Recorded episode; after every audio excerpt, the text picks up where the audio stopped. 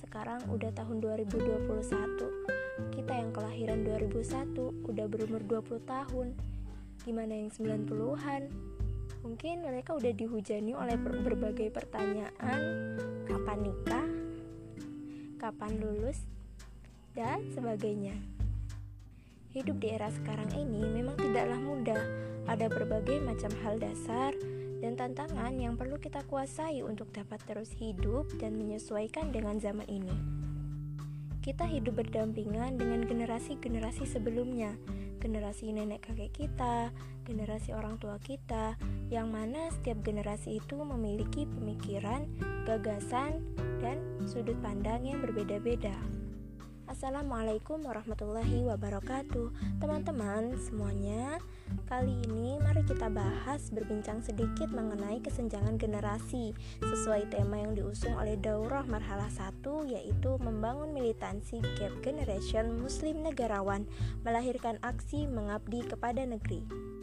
Ya, kita sebagai generasi yang paling muda di antara generasi nenek kakek kita, orang tua kita Selain kita belajar untuk menyesuaikan diri, menyesuaikan ilmu pengetahuan dan teknologi yang sudah sangat berkembang di zaman ini, kita harus tebal telinga juga oleh kata-kata orang tua kita yang apa sih pegang HP terus, bukannya kerja.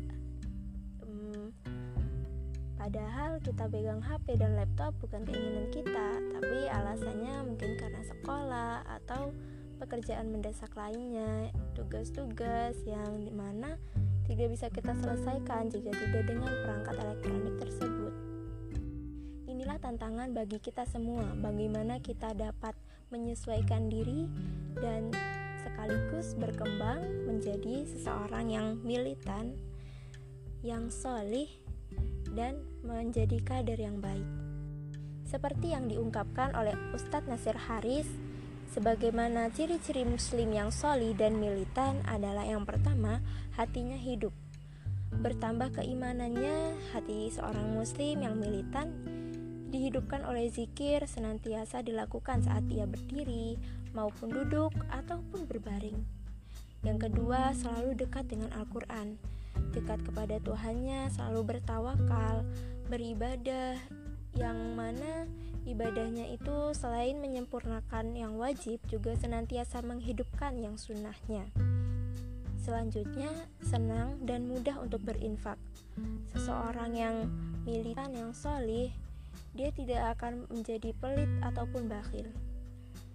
Selanjutnya, tetap pergi berjihad, ringan maupun berat. Jihad yang dimaksudkan bukan hanya jihad berperang, namun juga menuntut ilmu dan sebagainya. Seorang muslim yang solih dan militan akan tetap ridho dan ikhlas dengan itu semua Karena ia yakin segores luka di jalan Allah akan menjadi saksi pengorbanan dan menjadi penimbang berat di yaumil akhir kelak Harapannya setelah mengetahui ciri-ciri ini kita akan terus mengupgrade diri Berusaha menjadi yang lebih baik lagi Mengintrospeksi diri untuk menjadi militansi yang muslim negarawan, cinta tanah air, cinta agama, dan cinta sesama. Terima kasih. Wassalamualaikum warahmatullahi wabarakatuh.